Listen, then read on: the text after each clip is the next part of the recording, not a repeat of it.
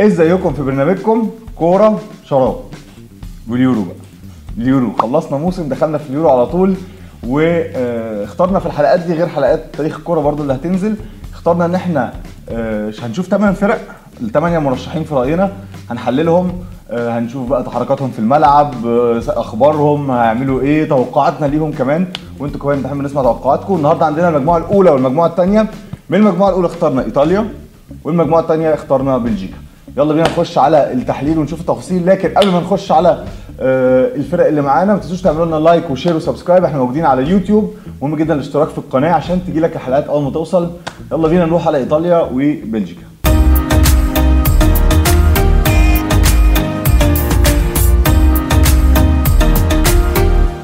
نبتدي بالأتزوري إيطاليا. إيطاليا مع ويلز وتركيا وسويسرا. كان يوسف خلينا برضو ندي بريف شوية عن منتخب إيطاليا لأن العنوان العريض جدا في الصحافة الإيطالية هو عودة المنتخب الإيطالي للمحافل الدولية. بعد طبعا آه، الفشل في التاهل لكأس العالم آه، 2018 اللي كان في روسيا.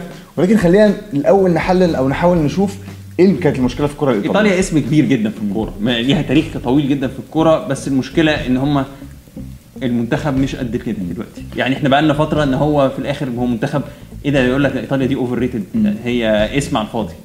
لكن يعني أنت عارف يا يوسف في أواخر التسعينات أول الألفينات كان في آه، قوة كبيرة جدا للنوادي الإيطالية ولكن ده كان بشكل ظاهري. يعني شفنا ميلان ويوفي بيلعبوا final Champions League 2003 ميلان كسب في آه، 2007 كمان.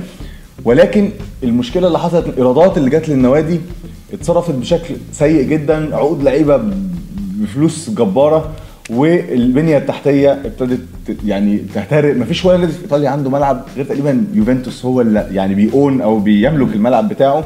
غير كده ملاعب ملكية عامة.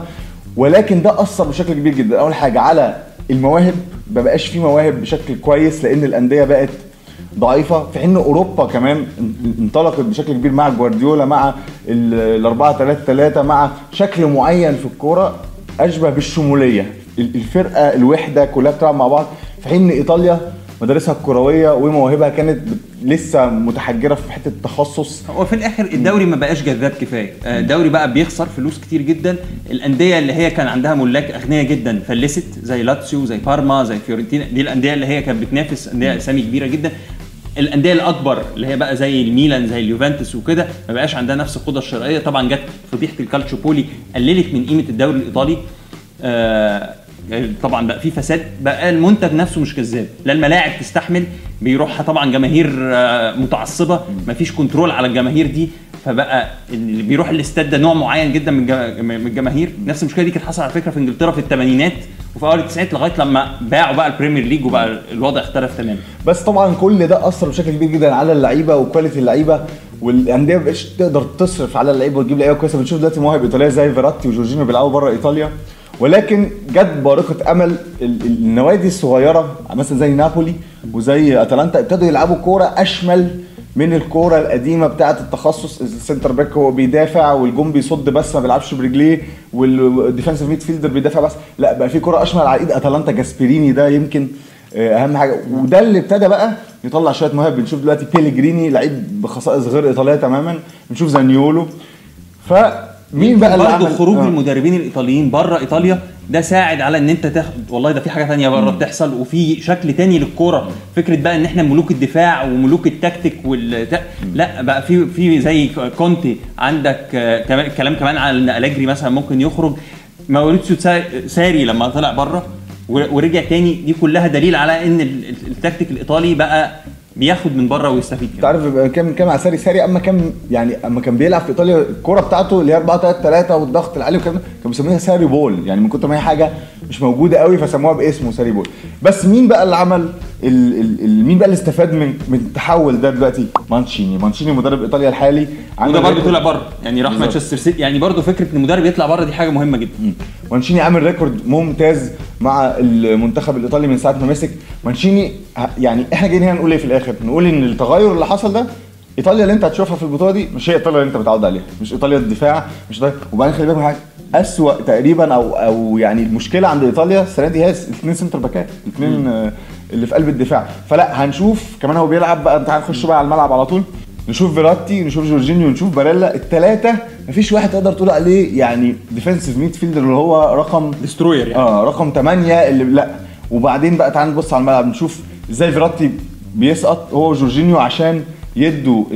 يفتحوا ال passing lanes لو في لو الفريق ده بيضغط عليك وباريلا بيطلع يلعب في حتة رقم 10 ساعات كمان بتلاقي بالعكس بقى لو مفيش ضغط عليك الفريق مثلا بيلعب medium block بتلاقي فيراتي هو راس مثلث مقلوب وتلاقي جورجينيو وباريلا هم اللي بيستلموا الكورة. كمان في shifting واضح جدا. باريلا بيروح يمين برناردسكي مثلا لو هو اللي بيلعب على اليمين بيخش هو لجوه يستلم في الحتة دي. إنسيني بيعملها كويس جدا.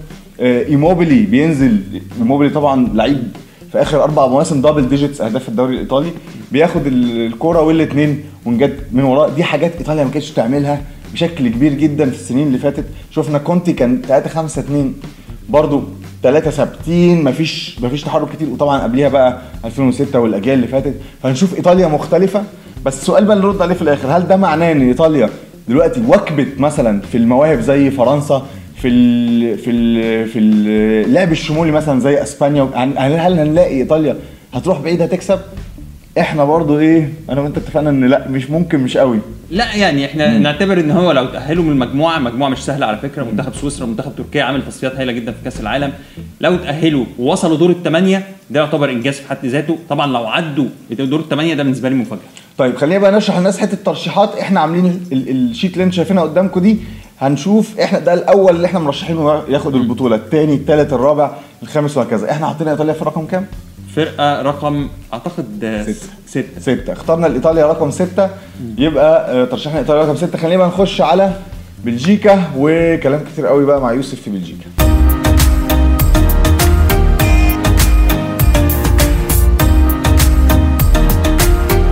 نروح بقى لمنتخب بلجيكا. طبعا منتخب بلجيكا بيعيش أزهى فتراته. بلجيكا برضو كانت وصل كأس العالم قبل كده semi final في التم في الثمانينات النهارده إحنا في 2018 وصلوا semi final بل أحرزوا المركز الثالث فده يعتبر أفضل آه، أداء ليهم غير إن ده أعلى تصنيف ليهم هم متصدرين التصنيف العالمي دلوقتي فبلجيكا بتحصد اللي بدأته في 2000 سنة 2000 بعد الخروج بعد بطولة يورو 2000 كانت على أرض هولندا وبلجيكا وبلجيكا خرجت من الدور الأول وكان أداء لا يذكر وفريق كان بيعتمد على القوة البدنية أكتر. آه، اللي بيمثله حتى كان النجم بتاعهم مارك فيلموتس. مارك فيلموتس ده هو اللي دربهم بعد كده.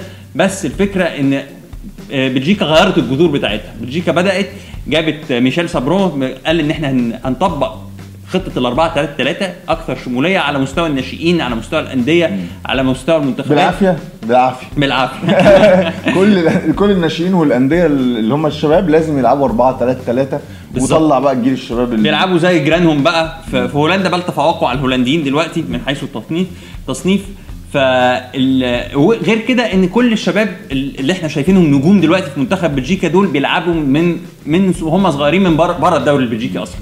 هتلاقي دي بروينا هتلاقي هازار هتلاقي لوكاكو كل الناس دي خرجت وهم آه، آه، أطفال 12 13 سنة بيلعبوا في الدوريات اللي هي أقوى من الدوري البلجيكي بكتير فما بقاش الاعتماد على الدوري البلجيكي نفس وبيلعبوا كمان مع بعض من مع بعض على مستوى الناشئين. مستوى الناشئين. فالموضوع يعني في system معين. بلجيكا فعلا يعني قطمت اللي هي كانت بتعمله وابتدت من من سنة 2000 ودلوقتي 2021 بتحصد اللي هي آه، بالظبط. زرعته شفناه في الكلام شفنا الكلام ده في يورو آه، 16 لما خ- خرجوا من ويلز كانت مفاجأة بس وصلوا دور الثمانيه آه، كأس العالم طبعا أداء مبهر جدا قدام البرازيل وكان في تنوع تكتيكي. مع كمان بقى نيجي المدرب الحالي روبرتو مارتينيز مدرب محنك أسباني.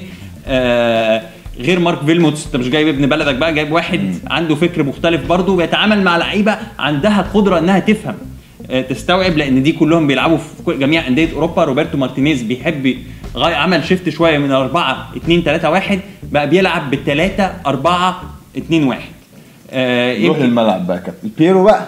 بيرو البيرو بقى أنت. عندك مبدئيا من حراسة المرمى مفيش خلاف طبعا عن تيبو كورتوا واحد من أفضل الحراس في العالم.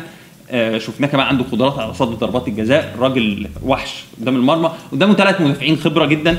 آه عندك ديناير اللي بيلعب في ليون. آه عندك فيرمالين ده غالبا هيبقى احتياطي عندك توبي ألدرفايلد آه وعندك فيرتونجن لو رحنا للوينجات الوي- ال wing backs هتلاقيهم عندهم طباع هجومية شوية توماس مونيه اللي بيلعب في بروسيا دورتموند.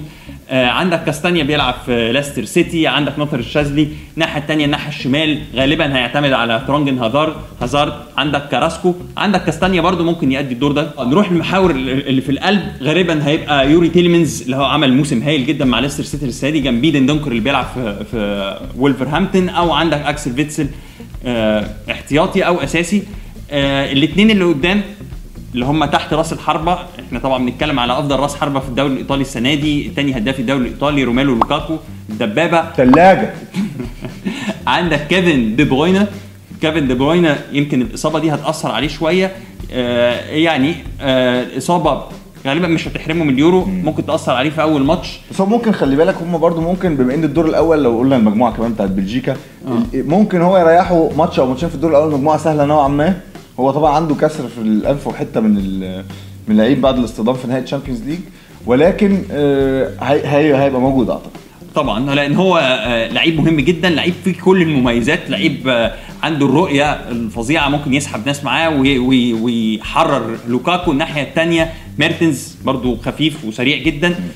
آه بمناسبة ميرتنز ودي بروين كمان في حتة لو نتكلم في الملعب في حتة اللي هي لوكاكو لو هو لو هو بيروح لوحده وهم يفتحوا اللعب على الجناب بيوزعوا اللعب أو لوكاكو بيسقط ياخد الكورة والاثنين بيجروا وراه بالذات ميرتنز ميرتنز سريع جدا بنشوف في نابولي بيعمل الانطلاقات دي على طول. وزي ما إحنا مجموعة فيها آه، فنلندا والدنمارك وروسيا هتبقى يعني ممكن يبقى في نسق تصاعدي فيها لبلجيكا بالظبط. عندك طبعا إيدن هازارد إيدن هازارد لو استعاد نص مستواه هيبقى لعيب خطير جدا هيبقى لعيب آه، مهم جدا. وقدام طبعا إحنا قلنا مفيش يعني غنى عن لوكاكو بس عندك بنتيكي وعندك باتشواي احتياطي ليه كويس جدا. ودوكو اللي بيلعب في ران الفرنسي ده عنده 19 سنة winger سريع جدا. آه، أنا أعتقد إن هو هياخد فرصته في البطولة دي وهيبرز دوره جدا إن هو ممكن يلعب مكان إنسيني. تعال نتكلم على بقى شوية بلجيكا كمجموعة. بلجيكا آه، هي متقسمة طبعا فلامش حتة بتتكلم أقرب للهولندي لغة أقرب للهولندي وحته بتتكلم فرنساوي. في مهاجرين كتير مدرب أسباني آه، اونري رجع بقى المساعد بتاع آه، بتاع المدرب من روبرتو آه، مارتينيز. آه زي مخصوص زي البطولة دي زي ما لعب معاه في كأس العالم.